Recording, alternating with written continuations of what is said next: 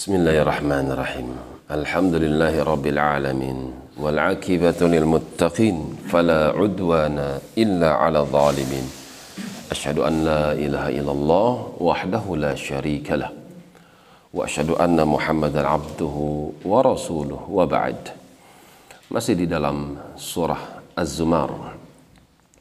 Sampai pada firman Allah tentang orang-orang yang datang dengan membawa kebenaran yaitu para nabi dan orang-orang yang mengikuti dengan baik dari kalangan para mubaligh, asatid, masyayikh, para khutbah.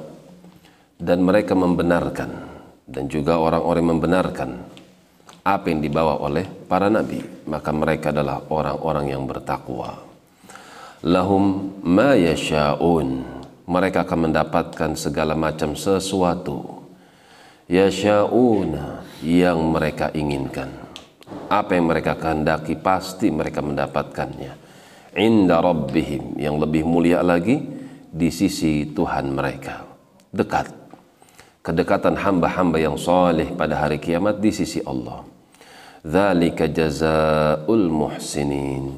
Itulah balasan bagi mereka orang-orang yang berbuat ihsan kepada Tuhannya. Bagi mereka orang-orang yang berbuat ihsan kepada makhluk.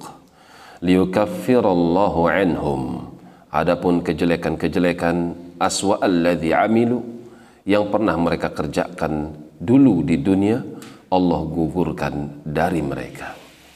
Wa yajziyahum ajrahum bi ahsanil kanu ya'malun. Adapun kebaikan-kebaikan yang pernah mereka kerjakan ketika mereka di dunia Allah membalasnya dengan pembalasan yang lebih baik daripada apa yang pernah mereka kerjakan kesalahan orang yang beriman kekurangan orang-orang yang beriman maka terampuni kebaikan-kebaikan mereka dibalas dengan balasan yang lebih baik yaitu berupa syurga.